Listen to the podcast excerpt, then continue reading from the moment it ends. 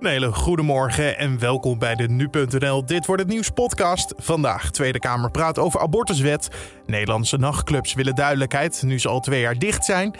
En een tweede vlucht met Olympische sporters vertrekt naar Peking.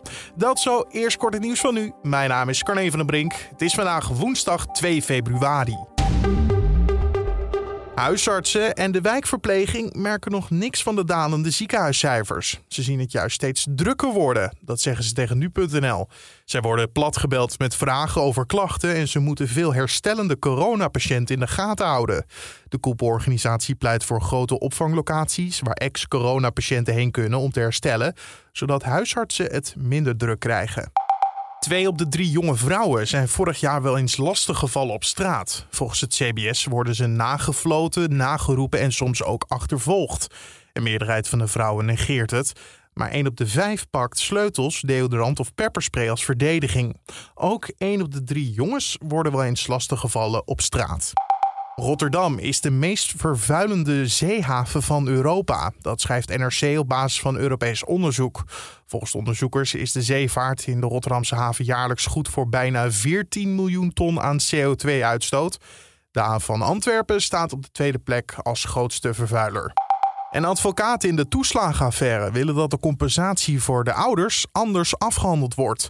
Dat schrijven ze in een brief aan de Tweede Kamer. De gedupeerde ouders moeten namelijk veel te lang wachten op hun geld. hoeveel geduld moeten ze nog hebben? Vragen de advocaten zich af. Dan over naar de dag van vandaag, oftewel dit wordt het nieuws. De Tweede Kamer debatteert verder over de aanpassing van de abortuswet.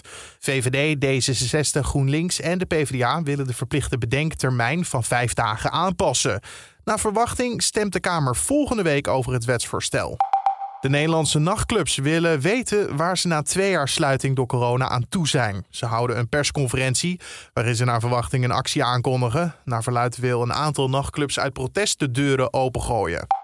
En de tweede vlucht met Nederlandse Olympische sporters vertrekt vanaf Schiphol met als eindbestemming Peking.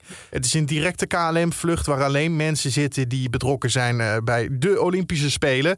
Het toestel vertrekt om tien voor vijf smiddags. En we vlogen er doorheen de agenda. En dan snel ook naar het weer van Weerplaza. In de ochtend is het droog met nog wat ruimte voor de zon. Maar in de loop van de dag neemt vanuit het zuiden de bewolking toe. En vooral in de middag en de avond kan er uit die bewolking ook enige tijd lichte regen of motregen gaan vallen. Waait een matige tot vrij krachtige wind uit noordwestelijke richting. En in de middag is het vrij mild voor de tijd van het jaar met zo'n 9 of 10 graden. Maar door die stevige wind en de bewolking is het voor het gevoel toch wel een paar graden kouder. De komende tijd blijft het wisselvallig met vergelijkbare temperaturen. Dat was het weer van Weerplaza. En dan rest me alleen nog te zeggen dat ik jou een hele fijne dag wens. En natuurlijk kan je morgen de podcast weer vinden op de voorpagina van nu.nl en in je favoriete podcast-app. Mijn naam is Carne van der Brink. Een hele mooie dag.